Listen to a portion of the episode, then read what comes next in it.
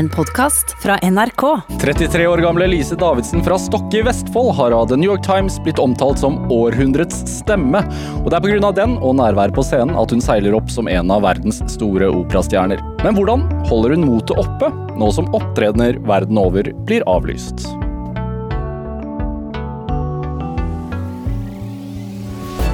Dette er Drivkraft med Vegard Larsen i NRK P2. Lise Davidsen, varmt velkommen hit til Drivkraft. Takk. Tusen takk at jeg fikk komme. Århundrets stemme. Hæ? Litt av en tittel. Ja, men er, er du, er du Børster du det liksom bare av skulderen nå, eller hva, hva tenker du om det? Jeg tenker at det er et sånt eh, hyggelig kompliment. Og Et hyggelig kompliment. Ja. det er fantastisk, men jeg får jo liksom ikke gjort noe med det. Nei. Prøver ikke forholde meg så mye til det, kanskje. Er det, er liksom, det er ikke noe over det, egentlig, sånn komplimentmessig, når man synger opera.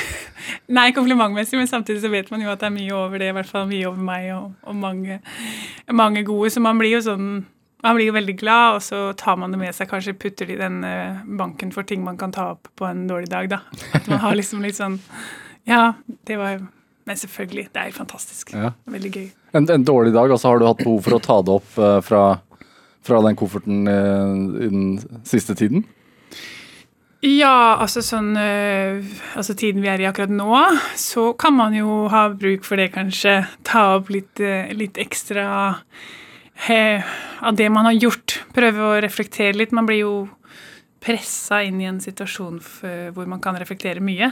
Eh, og så kan man diskutere om jeg har hatt godt av det. Det har jeg nok.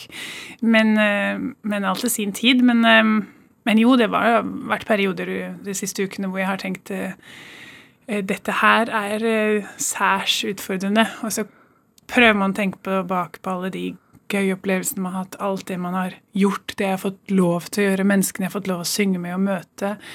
Og så, hva skal man si, den, den suksessen av det jeg gjorde i, i fjor, ikke minst, da, som, som ja, fikk en sånn brå slutt nå i, nå i mars. Så hvordan, var, hvordan kom slutten? Altså, var du hjemme da, da Norge stengte ned, eller?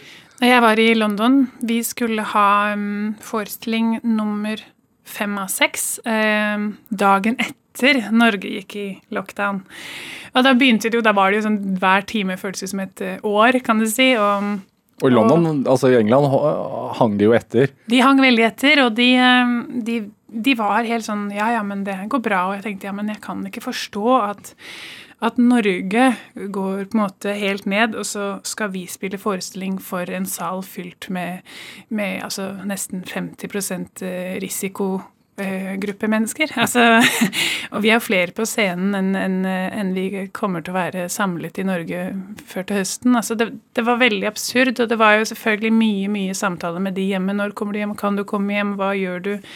Jeg skulle være i London en uke til og ha flere konserter, og så skulle jeg hjem, og jeg måtte selv avlyse noe, for jeg sa hvis jeg drar hjem, så må jeg være i karantene, og da kan jeg ikke dra tilbake igjen. Så, så det var veldig Du hadde lyst til å reise hjem, men du kunne liksom ikke. Nei, og jeg, jeg møtte ikke helt den forståelsen heller. Jeg hadde kollegaer som, som dro hjem, som eh, en, en kollega som hadde to barn, og hun, eh, hun sa jeg må dra til USA. Da hadde jo USA også begynt å snakke om grensene og, og disse tingene. Hun sa vi må hjem. Ja. Eh, jeg kan ikke la, la oss være igjen her akkurat nå. Eh, så hun dro. Men det skulle, være, det skulle sendes på kino, den siste forestillingen. Og eh, da, det var jo fire dager etterpå, fem dager etter eh, vi hadde, hadde holdt på å si gått i lockdown her. Og um, så sa jeg, men er, er dere sikre på det? Eller hva, hva tenker dere egentlig om det? Ja, nei, det skal vi. Det er jo om ikke annet så blir det i hvert fall eh, for kino, da. Om, uten publikum. Og det er en hyggelig tanke, men det var ingen andre som hadde tenkt å gå på kino. Altså, Folk gikk ikke ut av husene, så Og så da Mandag kveld så, så ble det avlyst, da. Forestillingen dagen etter, og da dro jeg hjem eh, onsdag morgen. Ja. Og avlyste selv faktisk de to neste tingene, to konserter, fordi jeg, jeg hadde ikke lyst til å være der. Jeg, jeg, jeg syntes det var ubehagelig, og jeg, jeg tenkte at det her, det her kommer ikke til å gå over helt ennå, så da kommer jeg hjem før, det, før de eventuelt da stenger. Møtte du forståelse da, når du avlyste selv? Ja. Eh, det var jo for så vidt liksom min agent og det teamet som, som gjorde det for meg, da. Men, eh, men, i og med at den første forestillingen hadde blitt avlyst, så, så tror jeg de forsto det, og jeg tror de forsto at jeg, jeg, ville hjem. Men, men, de hadde jo ikke selv fått høre fra sine ledere at Amdir må være hjemme. Eller, de, hadde, de hadde ikke nådd dem ennå. Så jeg tror nok alvoret kom først når jeg kom hjem, da. Det tok litt tid for dem. Um, å forstå. og Jeg husker det var en, en kollega som også dro til Tyskland, selvfølgelig ble sendt rett hjem og, og sendte melding sånn Ja, nå er vi i lockdown her. Så skrev jeg bare sånn Ja, velkommen i klubben. Han bare Er dere òg? Jeg bare Ja, men kom igjen. Les nyhetene. Altså, du vet, det er ikke så lett å forstå det før det rammer ens eget land og seg selv, da. Så det var kanskje litt det som var greia for oss og de andre utligningene i den produksjonen. At vi Vårt land var litt før England. Ja, fordi man merker det litt sånn ekstra, eller litt, på en litt annen måte kanskje, når man er en del av et sånt internasjonalt ensemble som som ja. hører til andre steder. Så alle de tyskerne jeg sang sammen med, vi var på en måte litt i samme båt. Vi sto liksom litt og venta, og vi sprita oss på en måte Altså dusja oss i sprit før vi gikk inn på scenen. Det, mens engelskmennene, de, de, hadde liksom ikke helt um, fatta den, og, og, og, det forstår jeg. Fordi ja. det tok jo tid for oss òg. Eller sånn det ja, det er ingen som har vært gjennom dette her før. Nei, og Nå er jo England et av de landene som er rammet, rammet hardest i Europa. Hva, hva, hva, kom du hjem til, da? Nei, jeg kom hjem til uh, leiligheten min her i Oslo, som jeg flytta inn i rett før jeg dro til London. så da hadde jeg jo litt å tusle med der, da. jeg hadde kjøpt meg en sånn akustikkblokkgulv. Det hadde fått pappa til å gjøre. Så han hadde liksom båret opp i leiligheten. Og et teppe. Så jeg la faktisk sånn teppe, to ganger tepper på, på ene rommet mitt, sånn at jeg kunne få øvd. Ja, altså akustikkblokkgulv? Ja, det heter det. Akustikkblokk heter det teppet. Aku, jeg tror det. Altså det er vanlig treverk i gulvet, men du har teppe? Jeg har liksom lagd et sånt, uh, lagt et sånn blokkteppe oppå, som er kjempehardt. Det var nesten så ikke vi klarte å bære det opp. Og så oppå der igjen et vanlig gullteppe for å da dempe lyden mellom meg og de som bor under meg, da. Har du noen over deg, da? Nei. Okay. det var bevisst når jeg kjøpte. Det er, det er kun én uh, leilighet som, eh, som, hva skal man si, må lide under min øving, da. Ja, det er de direkte under? Ja. har de, har de, er det soverom under der, eller? Jeg vet faktisk ikke, men det er, eh, det er, jeg tror det er veldig fine folk. Men det, jeg skjønner jo at det kan være irriterende, og det er jo um, Hvor ofte øver du på soverommet? Nei, altså nå, jeg øver jo hver dag, og jeg, jeg, prøver å holde meg innenfor dagtimene. Og det er jo ikke sånn at jeg står og synger fullt ut, men hvis jeg skal holde det i gang uh, ut året uten jobb, så, så, kan jeg jo ikke øve heller. Men nå har det fått både teppe og fått noen gardiner, og så begynner det å bli ganske sånn lydtett der nå. Men hvis du åpner vinduene, da hører man det i nabolaget? Ja, ja absolutt. Altså, men det gjør jeg jo ikke. jeg lukker alt. altså Det er ikke noe sånn at jeg tenker dette er en sånn gratis øvekonsert. Det er jo ikke øving man har lyst til å høre på, det er på en måte sluttresultatet. Men um, Har det hendt at du har fått klager av naboer? Om jeg har, ja. Er det sant? Men faktisk ikke så ofte. Jeg tror kanskje jeg har vært litt uheldig med den blokka jeg bor i nå. For nå har jeg bodd ganske mange steder. Jeg bor i Airbnbs og sånn når jeg reiser. Og, og, og øver der også? Og øver der også, ja. Og hvordan rating får du på Airbnb etterpå, da? Ja, men det er jo de som leier ut. De vet jo ikke det. så det går fint. Nei, ofte når jeg jobber, så har jeg et sted å gå, da. Så det er snakk om på en måte kanskje en halvtime oppvarming og litt sånn. Men jeg tror her er det ganske lytt. Så, så de har eh, De har nevnt det, ja. ja hva, hva har de sagt? De har kanskje spurt om hvor mye jeg har tenkt å øve. ja, det skjønner jeg. Det, særlig første uka var det ingenting. Det var rett før jeg dro til London. Jeg skulle lære meg Fidelio. Jeg skulle liksom virkelig få det inn i kroppen. Og så tror jeg kanskje de jobber hjemme. Så det, det ble jo ja, Som de fleste har gjort under korona? Ja, det var før korona også. Ah, ja. Og så kom korona. Da var det hjemmejobb og hjemmeskole. Så, men eh, da øvde jeg etter hjemmeskolen, da. Ja. Tror du de er enige, om, enige i den beskrivelsen til New York Times? Altså århundrets stemme bor over oss? Eller? Årets mest irriterende stemme hadde vært deres kanskje overskrift. Nei, jeg vet ikke. Jeg skal ikke legge ord i deres munn, men, eh, men, eh, Og jeg forstår det godt at det kan være irriterende. Samtidig så har man også bosatt seg et sted eh, i Oslo, i en blokk, og det er ikke, det er ikke liksom åtte timer om dagen, altså. Det, det er det ikke. Men hvordan er en typisk morgen for deg for tiden? Nei, nå har det jo vært sånn eh, Jeg, jeg liker å på masse prøve å holde det litt i gang, da. Og selvfølgelig, de første ukene var, var jo vanskelig å å holde seg motivert og skjønne hva som kom til å skje. og sånne ting. Men nå så, så prøver jeg å øve litt og trener. Og så har jeg tatt opp litt uh, tysk kurs for å, for å, bli litt bedre på det. Jeg har alltid brukt argumentet at jeg ikke har god nok tid, og det, det funker liksom ikke lenger.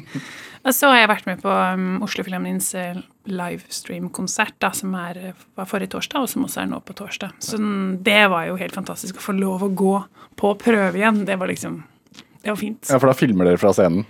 Filmer og, og ordentlig lyd og, og ordentlig film, og så sendes den da i deres konserttid på, på torsdag og fredag. Ja, de har sånn mellomspill, heter det. Hva gjør, men hvordan gjør orkesteret det da? Nei, De er jo med to meters avstand. da, og Første konsert var med åtte celloer, og så måtte jeg stå i midten fordi spytt bærer jo lenger, så jeg kunne ikke ha noen foran meg. de, de overholder alle regler, men, men, selvfølgelig, det er ikke fullt orkester og, og dirigent. Det er eh, et, et kammer, kammer, kammerensemble. Ja. Spytter man mye? Eh, altså ikke bevisst.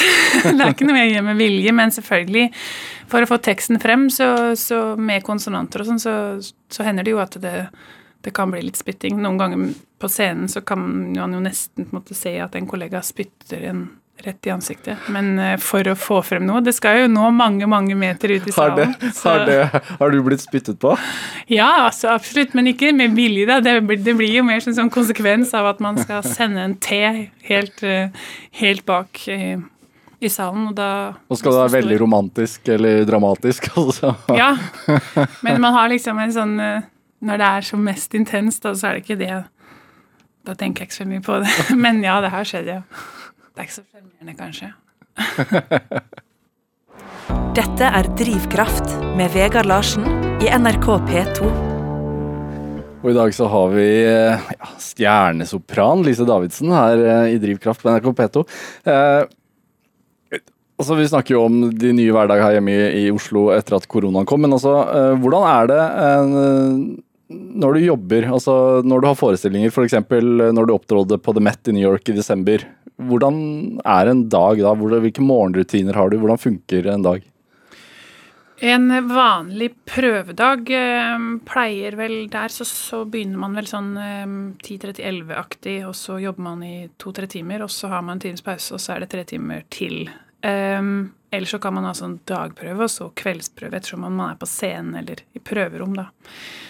Uh, og før en prøve starter, så skal man jo varme opp, da. Så da ser det jo for så vidt likt ut helt fram til jeg kommer på operaen. Da bruker jeg ja, en uh, halvtime til å varme opp, og så Eller ja, 20 minutter, og så leser man gjennom, og så begynner prøven. Og så går, går dagen med det, kan du si. Ja, hva, hvordan altså det, Kan man sammenligne det med liksom toppidrettsutøvere? Altså har du en sånn du, Passer du på hva du spiser til frokost? Altså, altså jeg tror um, på en måte når man nærmer seg liksom forestillingstoppen, altså premierer og forestillinger, så er det mye variasjon i, i, i, hva folk spiser, og kanskje aller mest ikke spiser, da. Men eh, jeg eh, har prøvd å, å, å, unngå å få sånne, hva skal man si, hangups, fordi vi trenger ikke å nødvendigvis ha et høyt proteininnhold i maten vår for å på en måte prestere godt. Men det sagt så er det jo viktig å, å spise sånn at man, eh, man har energi til full forestilling. Og så er det også veldig viktig å, for min del i hvert fall, ikke å spise for tett opp til. Fordi pust og, og hele systemet skal på en måte ikke være, være stappfull av mat, men den balansen mellom nok energi eh, og på en måte klar, men, men, ikke på en måte for lavt blodsukker og, og, og stappfull i magen. Også, ja. Så ja, det er noen du... sånne, men, eh, men, det er ikke sånn at jeg må ha en proteindrikk eh, før eller, eller, ikke spise gluten eller sånn. Altså. Etter forestillinga, da? Ja, nei, da er det jo ofte det er jo ofte litt sent, så Burger og Bloody Mary?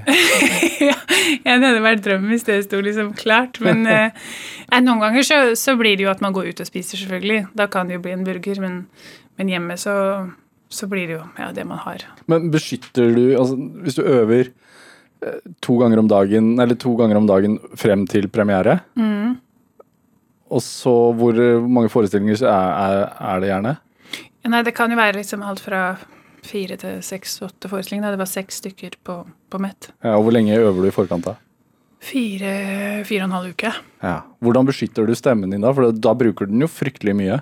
Ja, det er også derfor denne Der er det jo én times på en måte lunsjpause, og hvis man har orkesterprøve, så er det enda mer, fordi da er det også pålagt at man skal synge fullt ut.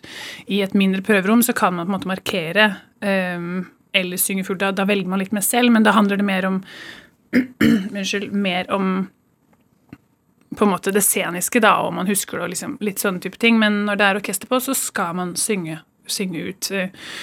Um, og da trenger man pause, og, og det i, mange steder i Tyskland så er det jo virkelig liksom pause fra ett til seks-sju igjen, ikke sant. Og, og da, da, er det minimalt med ting eh, man kan gjøre, altså, fordi Én, kroppen må ha litt pause, stemmen må ha pause, og, og, hodet må ha pause. Men prater du da? Eller prøver du å være så stille som mulig? ja, nei, jeg kan jo prate hvis man går i kantina, så kan man jo på en måte ikke sitte og, og være stille. Det er litt rart, men Nei, jeg vet ikke hvordan men, det er. Eh, nei, jeg tror nok ofte at jeg det kommer veldig an på. Hvis det er orkesterprøver, så går jeg nok hjem, ja. Men det handler mer om at jeg trenger litt sånn space, da. Ikke bare om at jeg må være stille. Men jeg, jeg kan ikke sitte en time i strekk og synge hvis jeg har sunget tre timer. på en måte. Altså Hvis, hvis det har vært full orkesterprøve, så, så, trenger man liksom å roe ned. Men da, da, snakker man også kanskje på en annen måte, der man er litt mer bevisst, eller ja. Hvor, sliten blir du etter forestilling? Det varierer veldig. altså Noen forestillinger er jo enormt fysisk krevende. Virkelig liksom sette sidelengs. Og, eh, og andre er teknisk kjempekrevende. At noen eh, Og noen ganger så, så er, det, er, det, begge deler. Men, eh, men nei, altså Ofte så er det litt sånn, på en måte, litt sånn, man er litt sånn støl på en eller annen måte i, kroppen. Man kan kjenne at nerver liksom Å ja, du, litt, det skulle sette seg der i dag. så har man litt sånn gæren skulder, eller sånne ting som man ikke merker før kanskje dagen etter, da. Um, men, uh, men, vokalt og fysisk så er det jo er det dagen etter, så, så, så hjelper det jo. Også hvis det er hvis man ikke har fått nok tid til å synge det inn, så kan man kjenne på stemmen at man er litt sliten, men, men um, men oftest så, så, en god natts søvn og liksom litt restitusjon gjør, gjør, at man er tilbake igjen. da. Ja. Hvilken forestilling er vanskeligst? da? Sånn, hvilken blir du mest støl av? Nei, fysisk det kan være det kan være så mange ting. liksom Nerver og sånn kan liksom spille inn hvor nervøs man er, eller eh, hvor, hvor prøvd det er, på en måte, hvor godt jeg vet hva jeg skal. Ja. Alle de tingene kommer liksom eh, Ja, spiller inn på, på hva jeg skal gjøre, og liksom hvor fysisk forestillingen er. Da. Noen ganger så er det jo I, På Met så var det sånn storkjoler og mye sånn på en måte hva skal man si, litt saktegående bevegelse, men samtidig tunge kostymer å bære. Og så var siste liksom mye mer sånn løping og liksom en annen type, da. Så ja. det kan variere veldig. Hvordan er det for Altså, unnskyld, altså, men altså Lise Davidsen fra Stokke i Vestfold opptrer på The Met, altså, eller Metropolitan uh, Operaen i New York. altså Det er jo en uh, det er en legendarisk operascene, er det ikke det? Altså, Absolutt. Et av verdens fremste operahus.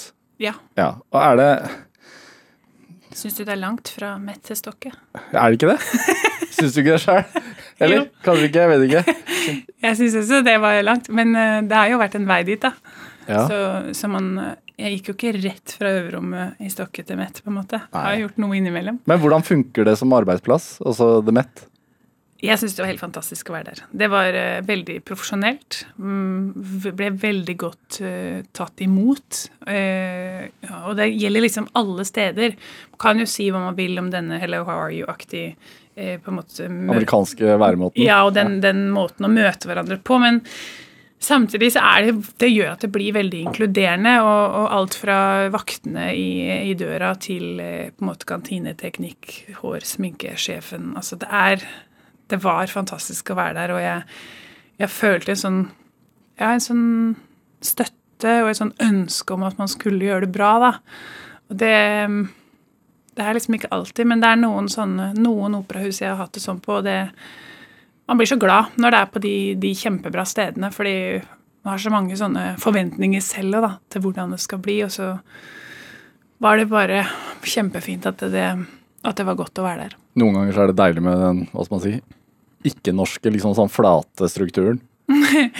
ja, eller eh, det er på en måte, det er jo kultur, og så er det samtidig Metropolitan Opera. Det er jo et hus som har alle mulige kulturer innad. Men, eh, men jeg syns kanskje den der profesjonal, profesjonaliteten som, som var for, på, alle ledd, det, det, det setter jeg pris på, altså. Ja. Stemmer det at du har blitt spurt om å opptre der veldig mange ganger, eller? Og sagt nei? ja, jeg sa nei første gang jeg ble spurt, ja. Eh, Og så ble jeg spurt noen ganger til. Og så til slutt så, så sa jeg ja. Hvorfor sa du nei? Jeg var ikke helt klar. Ehm, jeg tror jeg ble spurt første gang i 2015, kanskje. Den rollen jeg ble spurt om, den passet ikke, og jeg var heller ikke klar i, i hodet til å dra dit. Jeg syntes det hørtes litt voldsomt ut, så, så vi sa nei. Og så, de forespørslene som kom etterpå, var på en måte en kombinasjon av eh, Det var jo ikke nei for at jeg ikke hadde lyst. Det sa vi også. Det handler absolutt ikke om det. Det handler om å være klar for det. Og rollen jeg ble tilbudt etterpå, var ikke helt riktig. Det var litt for stort. Eh, og noe krasja med andre ting. Så det, det var flere ting som, som spilte inn, da. Men eh, så kom Queen of Spades, og, og året ble 2019, og jeg på å si. Så, så det ble Jeg er glad for at det ble det. Ja, jeg syns vi har snakket lenge nok om, eh, om deg som operasanger uten Altså, vi må høre noe, det er det jeg mener. Ja. Altså, vi må høre noe av denne stemmen som jeg Altså, jeg klarer, jeg klarer ikke å legge fra meg det århundrets stemme, jeg syns det er så flott. Også, men I tillegg så blir det jo Altså, stemmen din har blitt beskrevet som, som varmt stål. Har, har du hørt den beskrivelsen? Jeg har hørt noe av det, ja. Ja, hva, Hvordan vil du beskrive din egen stemme? Det syns jeg er vanskelig. Man hører jo sin egen stemme annerledes enn en, en publikum. Ja, hva, hva, hvordan Eh, hører du den? Men eh, nei, jeg kan godt forstå dette med stålet og det med varmen. Det er nok på en måte også kanskje varmen er noe av det jeg også ønsker at skal komme frem. Og så tenker jeg at repertoaret gjør ofte at, eh, og dette særlig kanskje noe av det du skal gjøre nå, at den, det stålet ligger også i på en måte musikken, da. Ja. Så, så jeg kan godt forstå det. Ja, for vi skal høre Wagner. Mm. Er, det, er det litt sånn heavy metal innenfor opera? Mm, kanskje det Ja, men det er krevende. Det er krevende, ja. Jeg kan, har jo ikke gjort heavy metal selv, så det er vanskelig å uttale seg om. Ja. Men uh, det er krevende. Men uh, det er også kanskje det, hvis man skal sammenligne med heavy metal, så er det også når folk, folk først blir fan av Wagner, så blir de altså så 100% dedikert. Og da mener jeg publikum. Det er det vi kaller liksom rene Wagner-fans. Hvorfor blir det det, tror du? Jeg tror det er noe med musikken, jeg tror det er noe med historiene. Altså, De reiser verden rundt for å se Ringen, som er da disse fire mest kjente operaene. Og de tar hva da, 15 timer å se, og de sitter og de sitter og de sitter. Uansett hvor det er, så er de der. Det er mye sånn dødsrike og Det er jo på en måte litt sånn Ringenes herre, ikke sant. Altså, og, og sånne type historier. Så det gir jo et enormt på en måte rom til å slippe fantasien løs, da. Og så har de da lagd denne fantastiske musikken oppå. Så, um, så jeg skjønner godt det, at man liksom kan sette seg ned og, og, og hva skal man si, leve seg inn i de verdenene der. Ja, hva skal vi høre? Nå skal vi høre fra, fra Tannhøser, da, som er en av de litt tidligere operaene, og det er eh, Diktøyre Halle.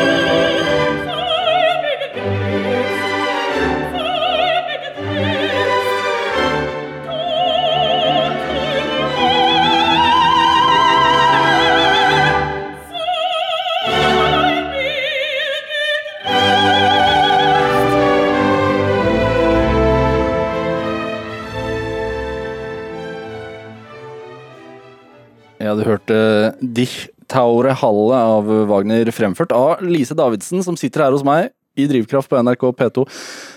Og så, jeg må spørre, hva, hva hører du når du hører dette her? Er, er du fornøyd? Ja, egentlig er jeg det. Jeg har blitt fornøyd.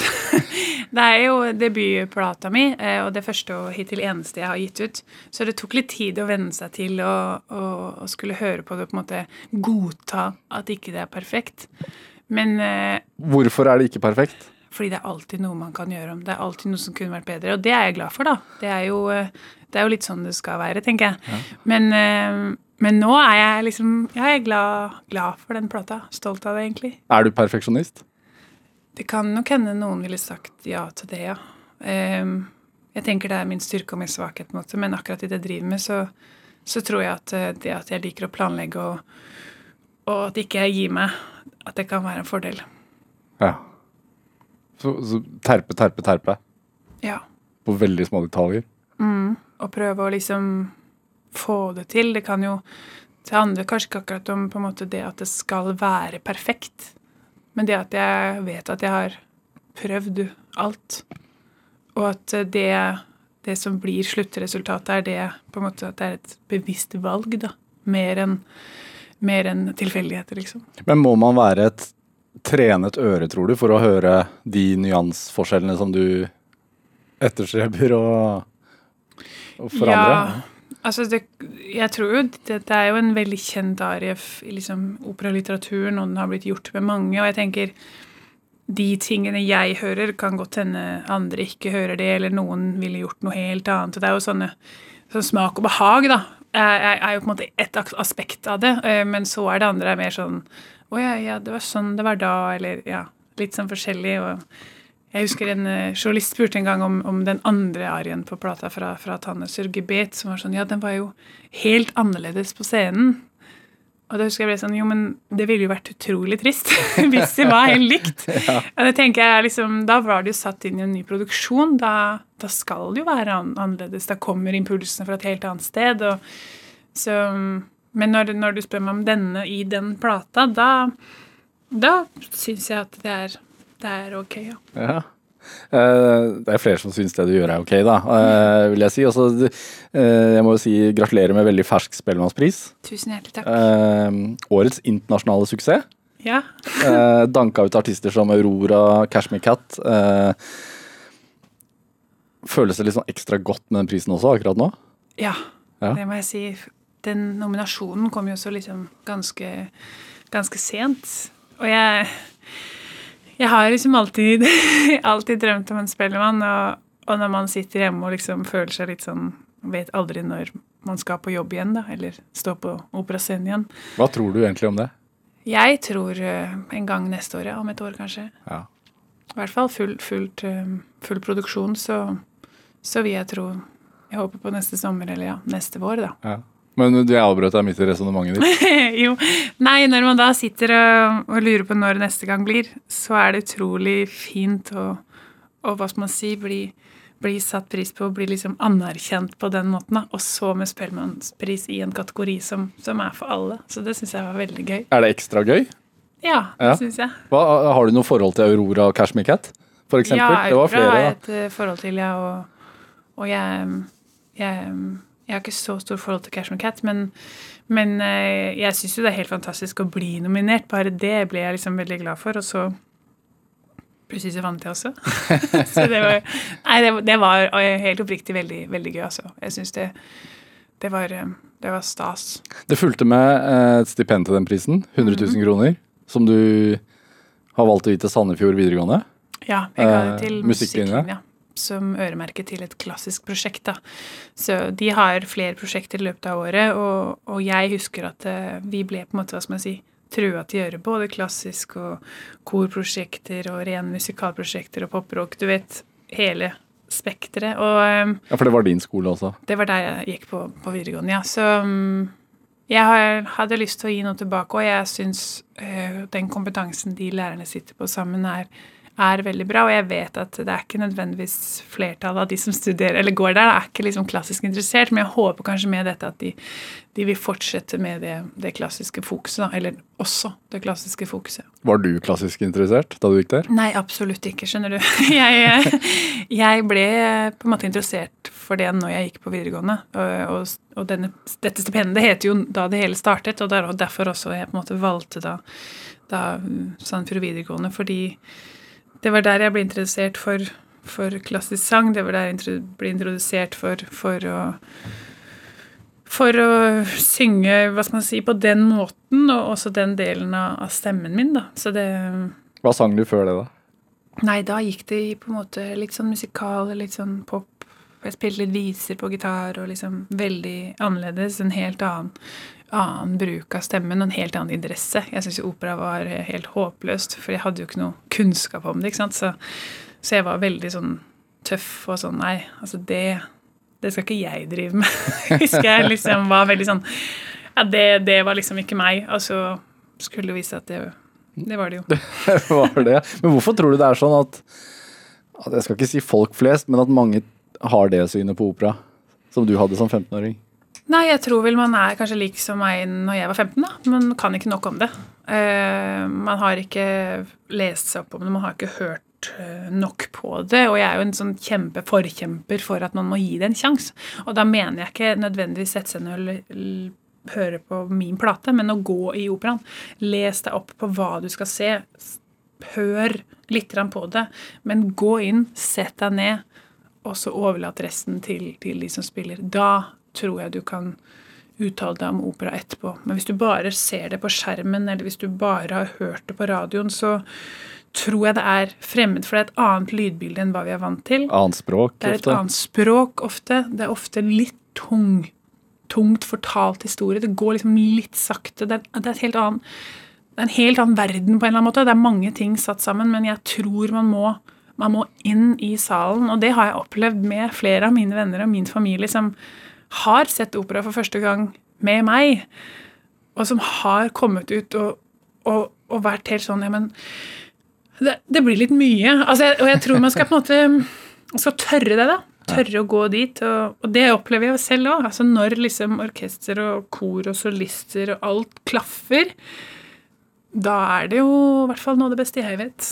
Ja. Som, som publikummer, da. Men altså, jeg, jeg, jeg tror på det. Jeg tror man må oppleve det live før man liksom setter seg ned med YouTube bare sånn 'Å, jeg hørte Lise hadde gjort det greiene her.' Det er ikke sikkert det får samme effekt, da. Som, på, på noen sånn dårlige PC-høyttalere? Ja, spilt rett fra telefonen, ikke sant. Det høres helt grusomt ut. Men, men eh, jeg, jeg, tror på det. Jeg tror på live, og så, og så tror jeg på liksom Ja. Øh, gi det litt tid. Det, det er en, eh, en kunstform som, som man som, som tar litt tid. Ja. Det er, jo det, altså det er jo det som kanskje er problemet, da, at man må, man må bruke tid på det. Absolutt. og Ofte så har vi jo ikke tid, men uh, kunne man gått i operaen, så vil, kunne jo alle som var hjemme, gått i operaen. For man har tid til å reflektere når man kommer hjem. Eh, eh, altså, jeg tenker Siden du er fra Vestfold, altså håndball er stort i Vestfold. Ja. Hvor god var du? Nei, jeg var jo altså Var du strek? Nei, jeg var back, ja. Venstrebekk. Ja. Eh, jeg var jo på en måte litt sånn kaptein. Så du var god? En, ja, jeg er jo eh, over gjennomsnittet høy, så det, det var jo en fordel helt fram til alle andre ble kjappe. Eh, da funka ikke det lenger, og jeg klarte ikke helt å henge med på den hurtigheten, så da Og da begynte jeg å synge allikevel, så da var det greit. Men vi var Vi var for så vidt ok, vi, men, men jeg hadde nok aldri liksom jeg vet ikke. Hvis jeg hadde, hvis jeg hadde liksom satsa og med det hele tatt hadde kommet meg noe, noe som helst sted. Er det, er, men er du fra en operafamilie? Nei. Nei, hvis man skulle, vært, hvis man skulle valgt på en måte håndball eller opera, så er det mer håndballinteresse i min familie. Der har liksom mamma spilt håndball og søstera mi, og broren min har trent, og pappa har vært oppmann, og du vet. Det er det vi holder på med, og det er det vi er interessert i, og det er da vi hyler høyest. Når det er kamp, liksom. Eh, så så det er nok mer interesse for sport, ja. ja så du har ikke blitt tatt med i operaen fra du var liten? og... Nei, jeg så min første opera når jeg var 20. Ja. Så jeg var litt uh, sent ute der. har, det, har, det, vært en fordel eller en uh, ulempe, tenker du? Jeg tenker eh, kanskje litt begge deler, men jeg tror nok at jeg er såpass sta at eh, hvis liksom familien min hadde trua meg til noe, så kanskje jeg hadde reagert motsatt. Og så har jeg tenkt eh, opp igjennom at eh, det Det foreldrene mine har gjort, og det søstera mi og broren min Den rene støtten, den, den 'dette skal du klare, Lise', 'dette går bra', og det at de har på en måte visst like lite, like mye som meg, det har vært en enorm hjelp, da. Det er ingen av de som har tenkt sånn om det kommer ikke helt til bra, eller hvordan er det, eller? Vi har på en måte Jeg følt at vi har gjort litt sammen med dem, og det at de har hva skal man si, hjelpa meg til å forstå denne verden, da. Uten å være sånn Ja, men hun sang det, eller du burde gjøre det, eller uten alle disse fordommene, eller hva skal man si, uten frykt også. Mm. Um, så jeg tror det er nok mye av grunnen til at jeg er der jeg er i dag, ja. Ja. Hvordan, hvordan er den verden? Altså, hvordan vil du beskrive den? Hva, hva, er, hva må man lære? Altså, jeg jobber jo som frilans, og jeg jobber jo veldig mye for meg selv. Um, og da, da må jeg jo forberede meg selv. Jeg må sørge for at jeg er forberedt til første prøve og alle disse tingene her. Og så er det jo reising, da. Uh, vanligvis så, så er jeg på reise stort sett hele tiden. Nå har jeg vært åtte uker hjemme, og jeg kan ikke huske sist jeg var så lenge i Norge en gang. Um, så, så det er mye reising. Det er mye forventninger dit man kommer. eh, Og så skal man på en måte ivareta det. Man skal fortsette å liksom trene, og så skal man prøve å være litt sosial, og så skulle man helst sett familien sin litt. Og det er mange sånne ting, men selve på en måte operaverden, når man først er på jobb, det er jo det man kan, det er jo det man vil, det er det man, det man gjør. Ja, når du står jo, på scenen ja. ja, og også når man er på prøve. Det er jo liksom, det er der man vil være. Men, men, eh, men det er jo noen ganger det kanskje kan være litt utfordrende å, å komme dit da, når man skal reise fra familien, eller hvis man liksom er på reise på, på fjerde eller femte måneden i strekk, liksom, så, så, så begynner det litt å, å tære på. Men ha, har du med deg noen, eller er det alltid aleine? Nei, familien eh, pleier å komme på besøk når de kan.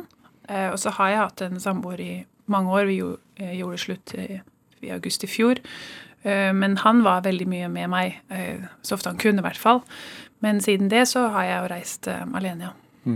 Er det Jeg tenker sånn Når du er midt i det, og du reiser rundt hele tiden, eh, og- og du får eh, nye spillejobber, holdt jeg på å si, eh, forskjellige steder i verden, eh, og når du plutselig da havner i, i leilighet på Tøyen og må sitte der i åtte uker altså, Da får man jo tid til å reflektere rundt hva man driver med.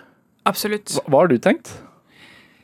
Nei, jeg har, eh, jeg har, tenkt mye. Jeg, jeg tror eh, London, det ble Det var jo det siste jeg gjorde der, det var en hovedrolle. Ehm, Det var første gang jeg gjorde den, Fidelio.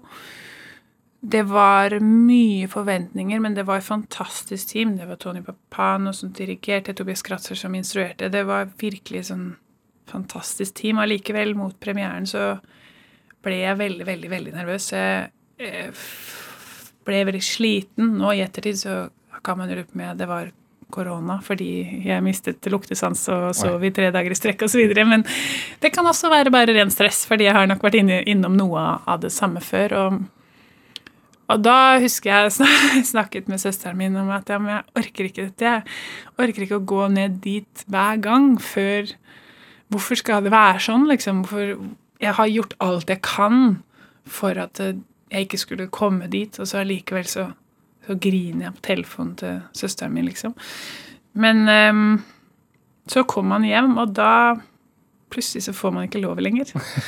Og det er jo liksom Det er klisjé, men eh, jeg har funnet ut hvor mye jeg elsker jobben min, og jeg har funnet ut hvor mye jeg gjør det også for meg selv. Jeg har det bedre når jeg får øvd litt, og når jeg får trent, og når jeg får holdt meg i gang. Jeg, jeg håper vi får lov til å komme fullt tilbake på scenen og gjøre operaen. Jeg håper at det, at det Selvfølgelig, tiden og alt skal Det skal gå riktig, men jeg gleder meg helt, helt utrolig mye, altså. Dette er Drivkraft med Vegard Larsen i NRK P2. Og i dag har vi operasanger Lise Davidsen her hos meg i Drivkraft på NRK P2. Eh, Jeg skjønte sånn at eh, en sangpedagog som heter Susanna Eken var viktig for deg. Absolutt. Hun eh, var den jeg dro til fra, fra Bergen når jeg hadde vært studert i Bergen litt. For du gikk på Griegakademiet På Grieg Griegakademiet. Ja. Og så er hun lærer på konservatoriet i København, og også på Operaakademiet. For da hadde du bestemt deg for at du skulle drive med opera? Nei, jeg hadde nok mer bestemt meg for at jeg skulle drive med klassisk sang. Og så dro jeg til henne, og så sa hun ja, jeg syns du skal drive med opera. Du er sopran, ikke mezzosopran. Altså du er liksom litt høyere, ikke den litt lavere. Um, og så ble hun absolutt um, Jeg studerte med henne fire år etter det, og, og teknisk sett så er det hun som har, har eh, gjort nesten alt av det jeg kan i dag. Eh, Hvis man skal være en dyktig sangpedagog, må man være hard? Nei, det, det, det vil jeg ikke si. Um, hun er kanskje litt rann, eh, hard. Hun er veldig tydelig. eh, litt rann, uh, Ja, noe, noe klar tale, på en måte. Eh, Hvordan da? nei, Hva, hva, kunne hun si til det? Nei, hun kunne si akkurat hva hun mente, på en måte. Hun, hun har et eh, prinsipp hun jobber ut ifra. Eh, det er noen øvelser, det er sånn og sånn det skal legges opp, og hvis ikke man gjør det, så, så kan man på en måte bare droppe det litt. Hun har også grunnen til å si det, altså fordi hun har hatt enorm suksess med nettopp disse prinsippene. Selv har hun på en måte ikke sunget veldig mye, men det sier litt om hvor mange timer hun har sittet og hørt på stemmer og utvikla dem, og, og på en måte retta dem, da. Hun har et godt øre. Hun har et enormt godt øre, hun har en enormt god teknisk forstand. Eh, og det er jo det, det, tek, det rene tekniske som jeg på en måte har lært av henne. Eh, det, er ikke noe liksom, det er ikke noe føling og synsing og mening der. Der er det sånn Du skal gjøre det sånn, og så kan du legge på følelsen etterpå. Og det, er den der liksom klare, tydelige eh, tekniske forståelsen hun har, som, som er helt unik, og som har vært kjempeviktig for meg. Men angående altså det tekniske, fordi i hvert fall for meg da, så fremstår eh, opera litt altså At man kan synge med en sånn stemme, altså med den kraften, det er litt mystisk. Eh, Fordi det er som om stemmen kommer fra et annet sted. Altså når jeg hører på deg nå som, når du sitter og prater normalt, så det er, tenker jeg sånn Oi, hvor, hvor kommer den stemmen fra? Altså, kan du på en sånn Kan du på en sangfaglig måte forklare meg hvordan du, hvordan du synger opera? Altså, man kan jo på en måte være så på en måte primitiv og si at eh, man snakker jo ofte om å skrike, altså det urskriket som, som mennesker kan få frem. Altså Hvis du hadde vært i en enorm fare, så hadde du altså enten ikke skreket i det hele tatt, det, er på en måte sjokk, da. Men den andre er det der på en måte primalskriket da, som, som kan komme. Og da er, da er liksom hele støtteapparatet satt i gang, og da jobber altså da, da er liksom stemmebåndet da, som, som er uh, det som, som vibrerer helt tett sammen og lager en lyd. Og så kan man på en måte si at det er det vi jobber med, å balansere det.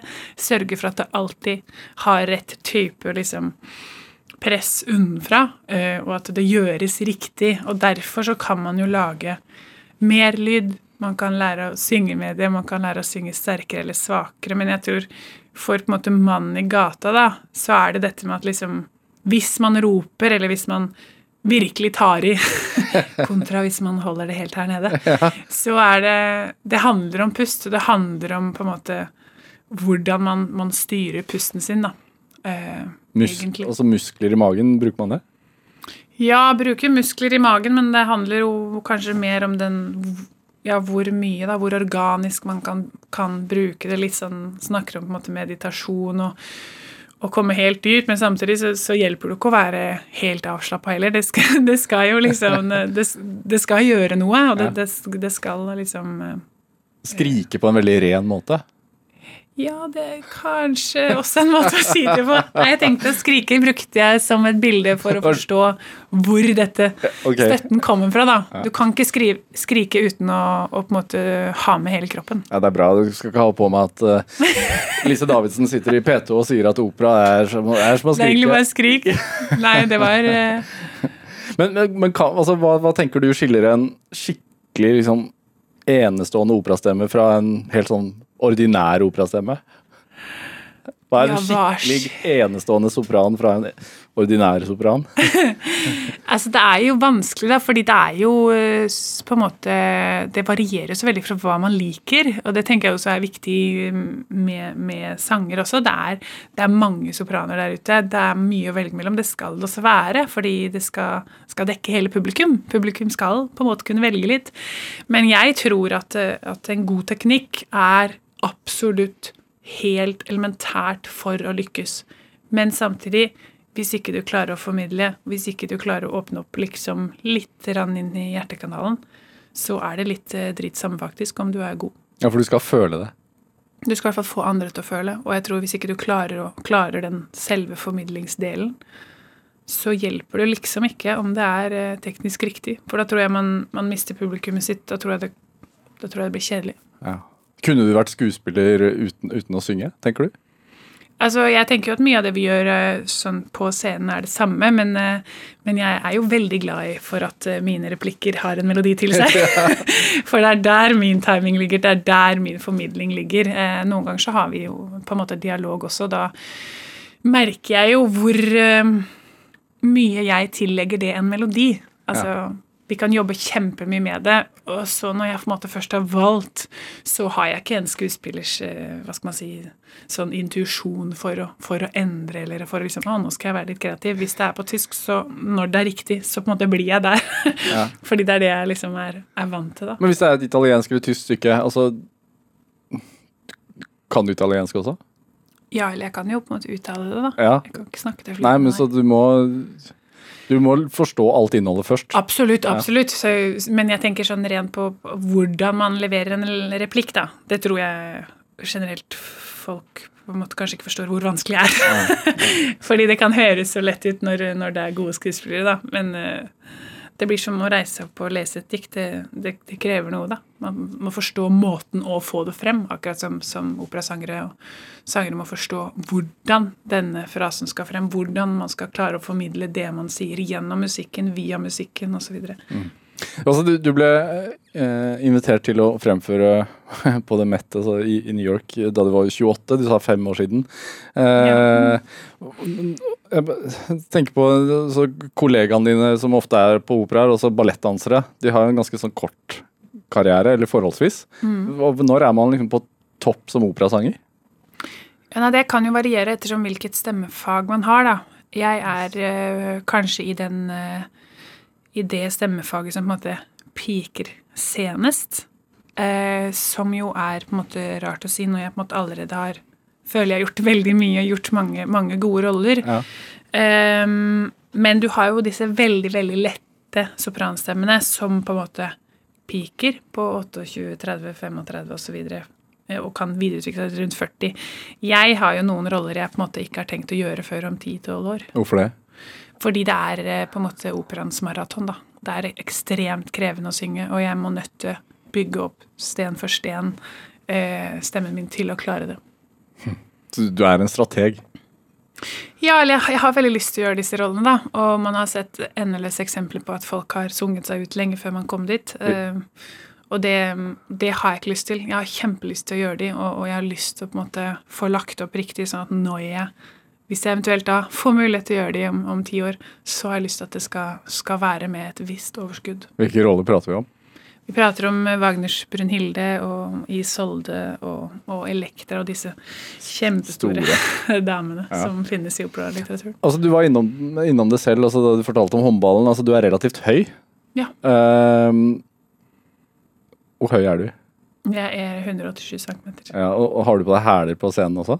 Ja, det hender jo. Er det en fordel eh, for liksom scene uh, til, altså, tilstedeværelsen? Altså, du ser jo bilder, du tar jo scenen. altså Når jeg ser på video Ja, altså jeg tenker det er jo um, Det er en fordel fordi man, um, man tar plass, og jeg tenker man kan jo ta plass uansett hvordan man ser ut, for så vidt. Så, så det handler jo ikke så veldig mye om det, men, men um, selvfølgelig, man skal jo finne partner og sånne ting. Det er jo ikke alltid man passer sammen og sånne ting, men Tenoren kan ikke være 1,60. Nei, men samtidig så ble jeg litt irritert når folk liksom Ja, det går ikke fordi tenoren er liten. Da har uh, instruktøren et problem, mener jeg. Ja.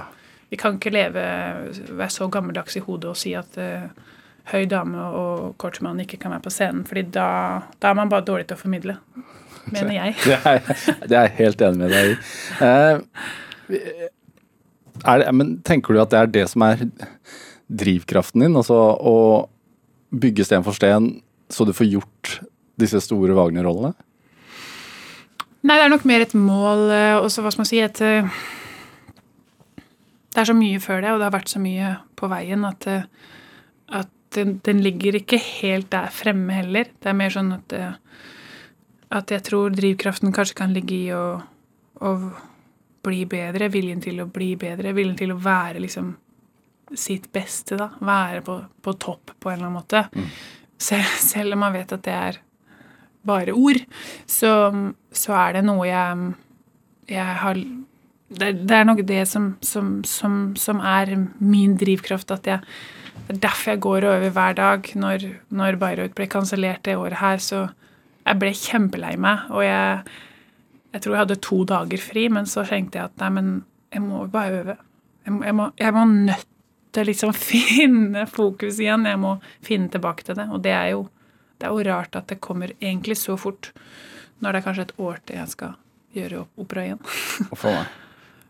da må du holde det ved like. Du vet jo ikke, det kan jo forandre seg på noen måneder. Det kan forandre seg, og det har jo forandret seg. Det kommer jo på en måte alternative ting nå, så det er jo ikke det at jeg ikke skal synge. Men på en eller annen måte så var det jo en sånn bilde på hvor stor drivkraften er, da, og hvordan den er. Den er ikke basert på at jeg er redd for ikke å kunne det godt nok. Det er noe Jeg klarer liksom ikke ikke gjøre det. Nei. Jeg tenkte vi skulle avslutte med litt musikk også. Mm. Uh, vi skal høre 'Fryling' fra Fire Letze Lieder. Altså, hva, hva, er det, hva, er dette her for noe? Ja, det er Strauss' uh, veldig kjente Fire Letze Lieder, som har fire siste sanger. da, Og så er det 'Fryling', som jo er våren. Jeg tenker den beskriver vel uh, absolutt den tiden vi er i, i nå. Ja, det er en, en litt annen type sangen Vår. vi hørte i stad? ja, litt annen type. Men, eh, men jeg syns også den, eh, den er jo mer en sang, da. Et, en dikt. Ja. Mer enn en, eh, en rolles dialog, kan man si. Ja, Da avslutter vi dagens sending med den. Lise Davidsen, tusen takk for at du kom hit til Drivkraft. Tusen takk for at dere kom med. Det var veldig hyggelig. Produsent i dag var Kjartan Aarsand. Jeg heter Vegard Larsen. Linn Bøllestad bidro også til denne sendingen. Her altså Lise Davidsen med 'Fryling'.